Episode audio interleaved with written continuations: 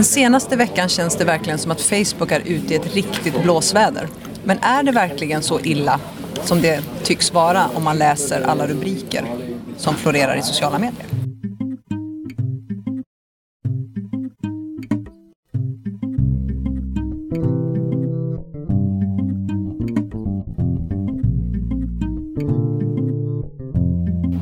Hej, det här är podcasten Social by Default och det är som vanligt jag, Sara Larsson Bernhardt, som tillsammans med Deeped Niklas Strand driver den här podcasten.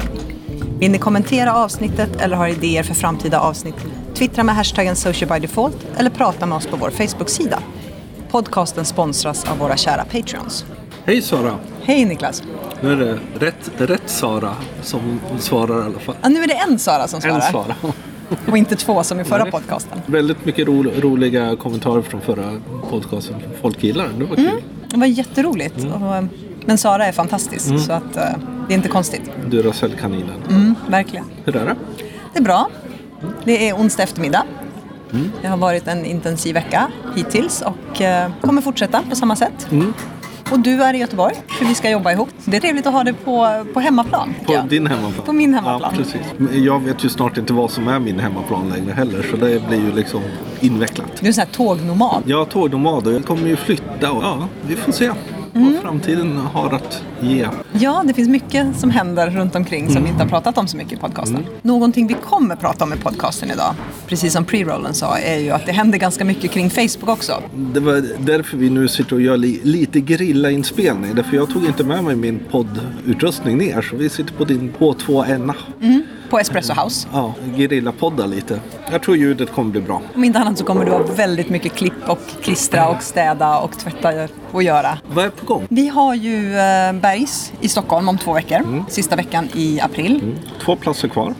Vi har ju satt ett tak på 12 personer eftersom vi känner att dynamiken i gruppen alltid blir riktigt, riktigt bra då. Så det är 10 som har tackat ja. Det står någon och, eh, på väntelista som inte har svarat än. Så anmäl er om ni vill spendera ett par dagar i Och Stockholm. då behöver ni göra det nu, Ja. verkligen, när ni lyssnar på den här. För den här kommer ju ut typ söndag kväll, måndag. Sådär. Är det något mer saker vi har? Bergs i juni Ja. också, inte att förglömma. Nej, veckan efter midsommar brukar den eh, infalla. Och det är precis före sommaren. Det brukar också vara ett ganska skönt gäng. Det är alltid sköna gäng. Men just sol och sommar i Stockholm precis före semestern är också något speciellt. Annars så jobbar ju vi på som vanligt. Du mycket på ditt håll.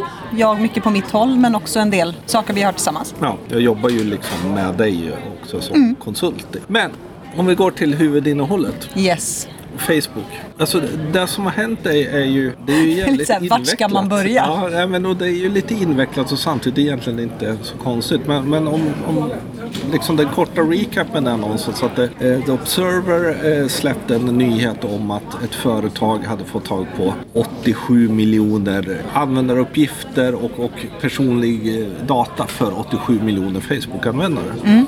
Och det kom då från en företag som hette Cambridge Analytica som är ett fantastiskt namn på numera ett eh, shady bolag. Och det här rullades ju upp efterhand att det var då en forskare som hade gjort en sån här test där man loggade in. 2013 var det här. Och nu pratar vi sådana här Facebook-test som, som Ja, vi kan precis. göra. Och där vi också brukar säga till folk att gör inte de här testerna för att Eller åtminstone att man tittar på vad man gör vidare. Men det här var ju när det var så pass öppet som det var. För det kommer jag ihåg att vi gjorde ju massa tävlingar och liknande där man verkligen blev lite så här oj. Och nu pratar vi årtal 2014. Ja men fram till 2014 var det väldigt öppet. Just det här tycker jag är någonting som har försvunnit lite grann i all eh, den rapportering som har skett kring Facebook och kring det här. Att det här är faktiskt någonting som hände för fyra år sedan. Som har uppdagats nu. Det är inte någonting som hände för en månad sedan. Men sen har det ju också funnits ett uppdämt missnöje med Facebook. Runt fake news, runt den här myten om att Facebook lyssnar via telefonens mikrofon. Massor med saker som ett uppdämt aversion mot som liksom bara har rullat ut. Och så självklart kan man ju märka att vissa tidningar eh, gärna plockar upp det här eftersom de själva är lite sura på att Facebook har snott deras annonsmark.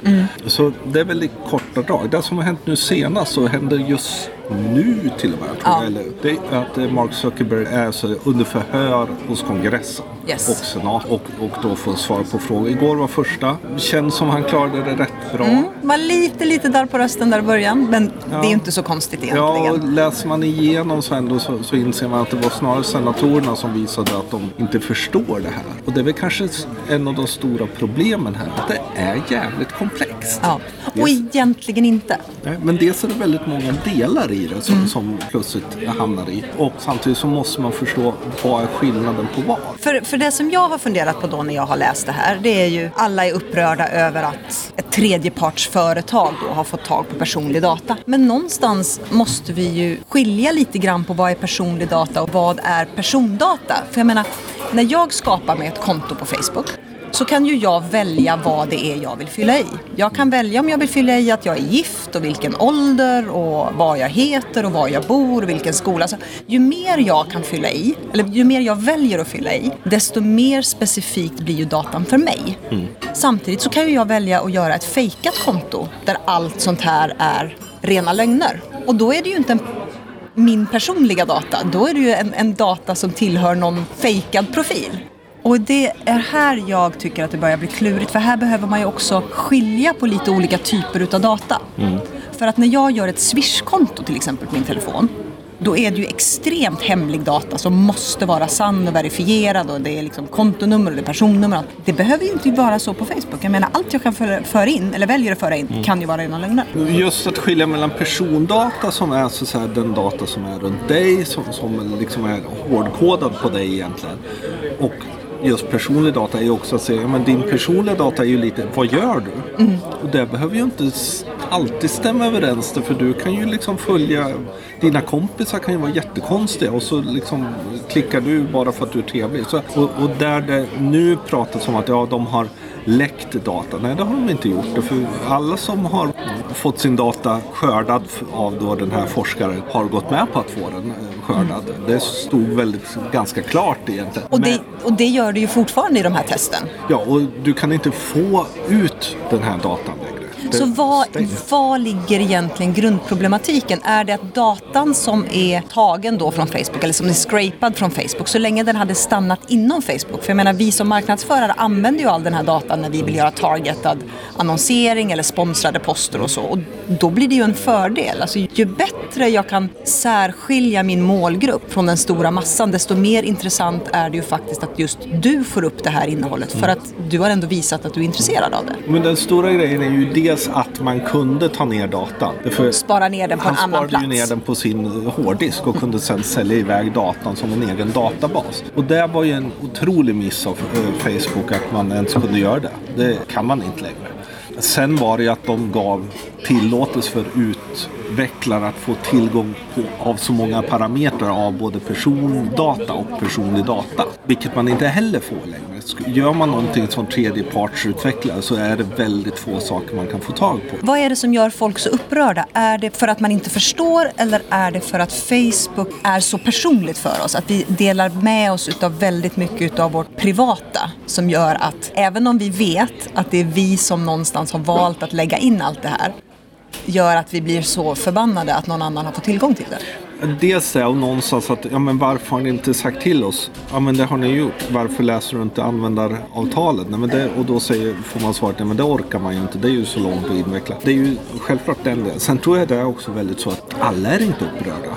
En ganska stor del av Facebook-användarna är så här, ja. Vi har våra 1990 där igen. Vi har våra enprocentare som gapar. Och, och, och det är de som ofta varit kritiska mot det och samtidigt kan ganska mycket och har liksom många gånger kanske också en, en agenda, fel att säga, men, men en åsikt som handlar väldigt mycket om att Facebook har lite för mycket makt och sånt sak. Och det är det som nu har den här tillsammans med fake news-debatt. Och när Ma- Mark Zuckerberg fick frågan, kan du nämna en likvärdig konkurrent till er? Så kunde han inte det. Därför det finns inget som är så stort som Facebook. För jag menar när, när du pratar om då de som är mest kritiska, väl många av dem är ju trots allt medierna. Och där har vi ju gjort lite jämförelser när det gäller att samla data och och eh, sätta aktiva pixlar och sånt på människor. Och faktum är att de är ju lika stora kålsupare de. Ja, och där vet du inte vilken data som finns. Nej, och de lovar inte heller att inte sälja det vidare. Nej, det är ju snarare så att de säljer det vidare. Mm. Eh, därför det är ju viktigt att se någonstans att, att många, i, en av delarna är ju också att Facebook, det sägs så att Facebook säljer ju faktiskt vår data vidare. Det gör de inte alls det. Det Facebook egentligen gör är att placera annonser. Mm. Men med hjälp av den data de har. Men om jag vill göra en annons så får ju inte jag liksom ut någon data alls. Utan jag säger jag skulle vilja ha, ha den här och den här målgruppen med de här och de här intressena. Och då säger Facebook ja varsågod det kostar sig och så mycket. Hur, hur länge vill du låta den här annonsen eller sponsringen gå? Och det här är ju egentligen ur, ur ett marknadsföringstänk och ur ett, liksom, jag ska inte säga an annons, reklam, innehållsperspektiv så är ju det här egentligen någonting som är bra. För jag menar, om vi stör oss på att vi har mycket saker som, som är liksom irrelevant på Facebook.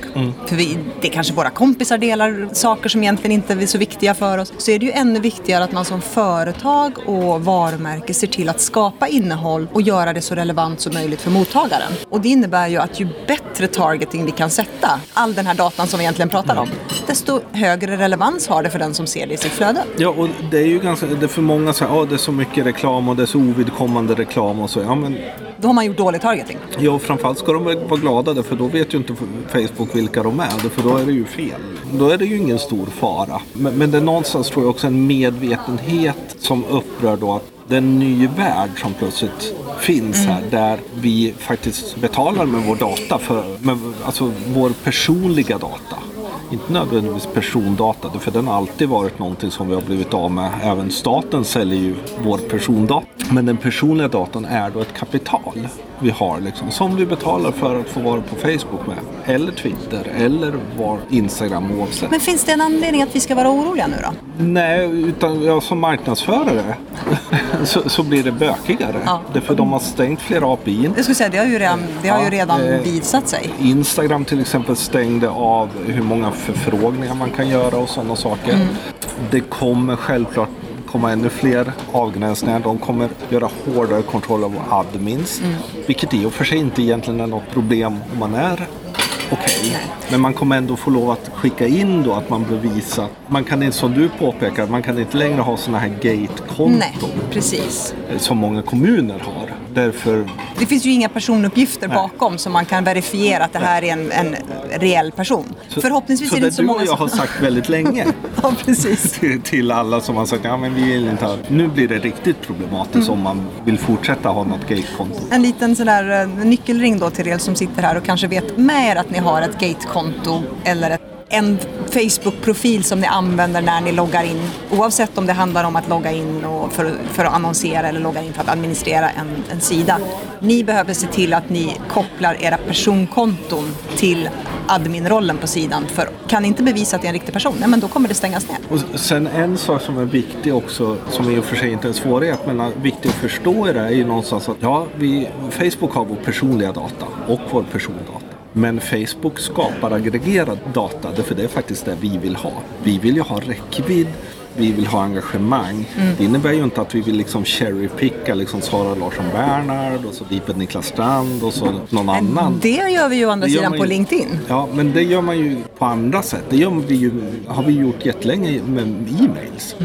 Så det är ju inte, det är ju viktigt att se skillnaderna vad, vad det handlar här. Det handlar liksom inte om att man nödvändigtvis vill ha just din data. Men man vill ha den datan som gör att du kan sättas in i en Kontext. så, så bra grupp som möjligt. För vi, hade ju, vi, vi diskuterade ju det här om kvällen. Just vad är skillnaden i det här som gör att folk är upprörda kontra vad är skillnaden om jag går till par och köper liksom ett adressregister där jag vet att det här är en familj på fyra, de bor i det här huset, de har den här medelinkomsten, de har två barn, det är en pojke, det är en flicka. Varför tycker vi att det där är okej, men inte det här? Men här finns ju en högre densitet och här handlar det ju om att man vet om du gillar eh, backa ko och i princip så kan man gå ner och titta på vad, vilka kläder du Så återigen handlar det om mitt beteende som gör att det känns som att det kommer för nära. och någonstans liksom faktiskt vem du är. Och så är det ju den här ändå, för det finns ju då en koppling, vilka är dina vänner och allt det finns ju i den här aggregerade datan. Men Facebook är ju inte den enda plattform som har tittat på våra beteenden för att, för att skapa skapa saker som är relevanta för oss eller för att visa oss relevans. Jag menar, Google har ju gjort det i alla tider egentligen. Genom att titta på vad vi har gillat innan och vart vi har gått och vilka sidor vi har besökt för att visa oss precis det som är relevant i våra sökningar. Hur kommer det sig att de inte har råkat lika illa ut, även om de kanske har dragits med i den här svängen? Vad är det som är skillnad? Dels antagligen att vi känner att Google inte vet lika mycket, även om Google vet ganska mycket om våra beteenden. Mm. Samtidigt är det ju sökdata. Det är ju inte det här att vi man är på Google och pratar med sina kompisar är, är personlig. Utan det är ju sökdata. Och vill man söka på någonting man inte vill att Google ska veta så vet man hur man ska göra för att slippa det. Och så det är ju skillnad på den datan. Även när man jobbar med AdWords kan få en hel del persondata utifrån det. Men där har ju Google för flera år sedan också framför allt dragit ner möjligheten att, att få tag på väldigt preciserade sökord och sådana saker. Det är mm. svårare idag eh, än de har varit förut. Vem har ansvaret här då? Därför det pratade du och jag, när det här startade så var ju du väldigt liksom ändå så här, ja vad har de hittat på nu liksom? Och, och där vi pratar mycket individen kontra Facebooks ansvar. Ja, alltså det är ju ganska svårt. Men lite tillbaka till det jag sa från början. Jag menar, jag vet ju med mig att jag har lagt in en massa information på Facebook. Och då får jag lite grann kanske skylla mig själv. Eh, och jag, jag, läste någon tweet häromdagen just det här att oh, man måste äga sin egen data. Men jag menar, titta, alltså Facebook är ju ett företag. Och som vilket annat företag som helst, ju mer de kan lära känna sina kunder och sin målgrupp, desto gladare blir ju företaget. Så att jag tycker utifrån perspektivet att de har en massa data så tycker jag att vi själva får skylla oss själva i hur mycket data vi ger med oss.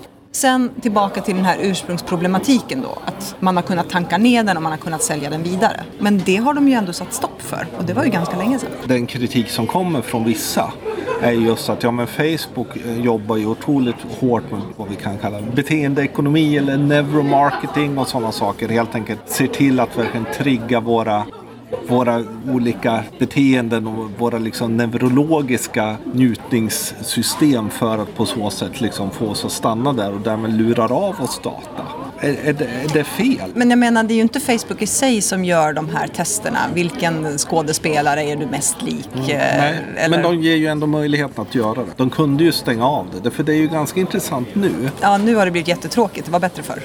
nej, men och, och så här, mitt i den här diskussionen så plötsligt så dyker alla sådana här liksom, dina tre sista siffror i telefonnumret, eh, kolla vad det, ditt eh, piratnamn är. Man loggar inte in, men det är liksom massa så här, små pysselgrejer grejer som bara ploppar upp. Som mm. att, och, och alla går på det. Och det är ju, också, det är ju liksom trigger, en trigger av liksom både för engagemang men också för liksom. Det är klart att Facebook lär sig mer då i vissa fall. Ja, nej, nu behöver de skruva, tycker jag personligen, behöver de skruva ganska rejält på algoritmen igen med tanke på att det bara är sådana tester som dyker upp i mitt flöde nu. Det, och det tycker jag bara senaste veckan. Det eller andra sätt som lurar oss in till att interagera. Det, finns, det är inte clickbaiting så som det var innan men det är ju ett engagemangsbaiting som alla går på. Och, och totalt meningslösa. Något, något, men samtidigt som något som är bra om vi ska jobba med algoritmer. Och, och där blir ju liksom algoritmen behöver ju födas med data hela tiden för, för, att faktiskt fungera. Och där är ju den här motsättningen som hela tiden finns. Som några är väldigt kritiska.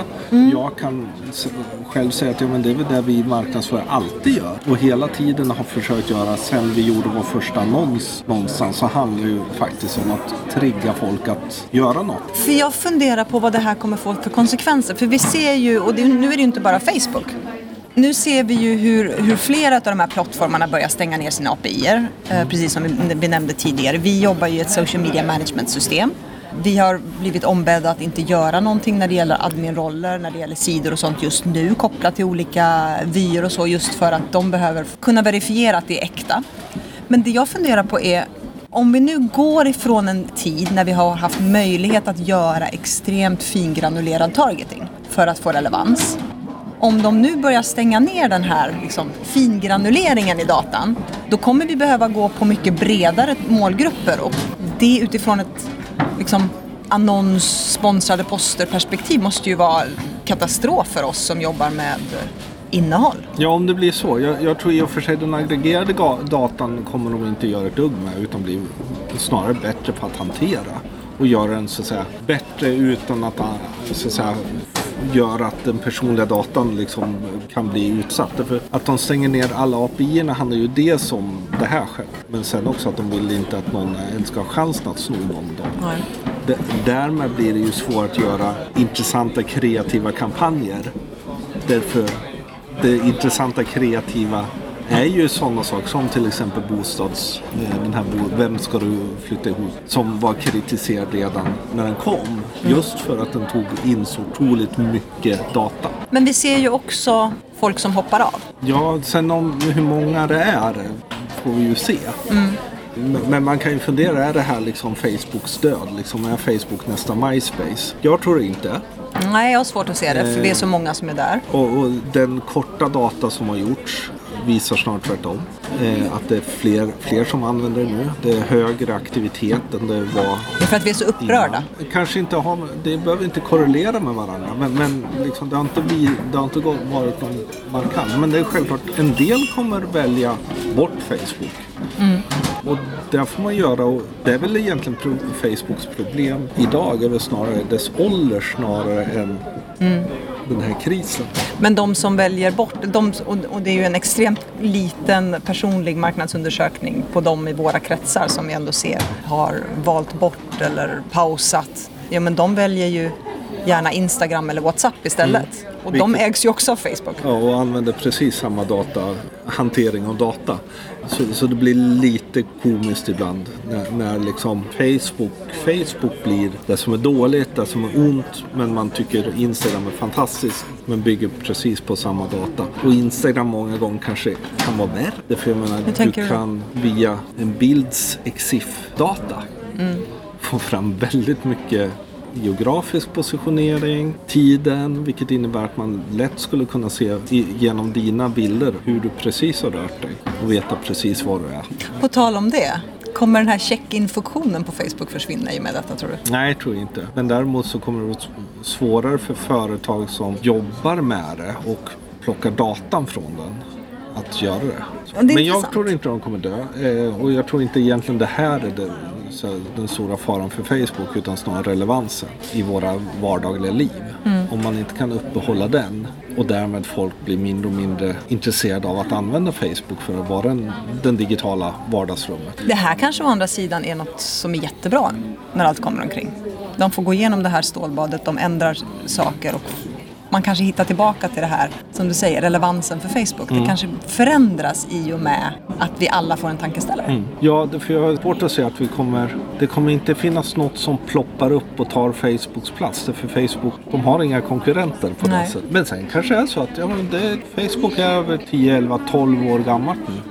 Det kanske är då det börjar vända och gå neråt och något annat går upp. Kanske. Vi som är, som är företag då som jobbar, vi fortsätter som vanligt. Alltså i grunden så handlar det ju ändå att, att se att det kommer förändras och det ser vi ju algoritmen förändras. Därmed behöver vi göra bättre innehåll. Vi behöver jobba mer med engagemang. Vilket innebär att utan att försöka strössla med sådana här engagemangsbaits-grejer. Så behöver vi hitta sätt, behöver, såklart. behöver hitta sätt att Ja. göra det. Vi behöver se till hela tiden med det här med admin-hanteringen. Och jag tycker fortfarande att vi behöver vara otroligt skickliga när vi targetar våra målgrupper att faktiskt använda den datan vi får använda. Mm. För att hela tiden upprätthålla rätt relevans. För annars så tror jag att man är ute och Ja, det annars blir det ju ointressant. Och sen tycker jag att en viktig del som företag i det här är ju att verkligen följa vad som händer i den här frågan. Den kritiken kommer att fundera vad, vad innebär det här för mig? Eller för oss. Sen har vi ju, alltså det är ju en intressant vår onekligen. Ja. Det här kom med stora datadiskussionen. GDPR kommer om en månad. Som också påverkar sociala medier och oss som marknadsförare i allra högsta grad. Och där är det ju viktigt eh, att, titta. Vi la ju ut en, en, Facebook har gjort en jättebra landningssida runt hur de ser på GDPR. Och där de faktiskt ser sig själva som då den som är ansvarig för väldigt mycket data. Facebook. Men däremot den data vi stoppar in där. Till exempel när man gör customized audience och så. Den är ju vi ansvariga för. Mm och de hanterar den. Så viktigt att följa de delarna. Vi kommer ju behöva komma tillbaks ett antal gånger gissningsvis under våren kring eh, dels som, det som sker nu men också när väl GDPR börjar gälla. Ja, precis. Och, och där får vi väl helt enkelt, vi har ju inte haft något GDPR-avsnitt. Nej, det kommer. Ja, det kommer. Eh, sen tror jag att vi kommer faktiskt ta det efter 25 maj. För det är inte, Mm. mer intressant att se vad som har hänt och var kanske just nu. Mm. Men det finns otroligt mycket om GDPR att läsa. Jag vet att Vi lägger in ett antal länkar i våra Ja. show notes för vi har på hittat lite ett par poddar och lite sådana som pratar om det. som kan vara jätteintressant. För nu är det ju faktiskt väldigt, väldigt, väldigt snart dags att ha Ja. all sin data i ordning. Så tack för oss! Och glöm inte att prenumerera på vår podcast. Dels hittar ni den på podcast.socialbydefault.se men vi finns även på iTunes, Soundcloud, Acast och Stitcher och det är bara att söka på Social by Default. Om ni gillar podcasten, ge den jättegärna betyg. Skriv kanske en recension på iTunes. Det blir jättekul. Vill man stödja oss, gå till Patreon och stöd oss. Sök på Social by Default. Ja, om, som vi tidigare sagt, tyck till med hashtaggen Social by Default. Och vill ni hitta oss på Twitter eller Instagram eller andra lämpliga sociala plattformar så heter jag Sanasi LB överallt. Och jag heter Deeped överallt. Tack för oss! Hej då! Hej då!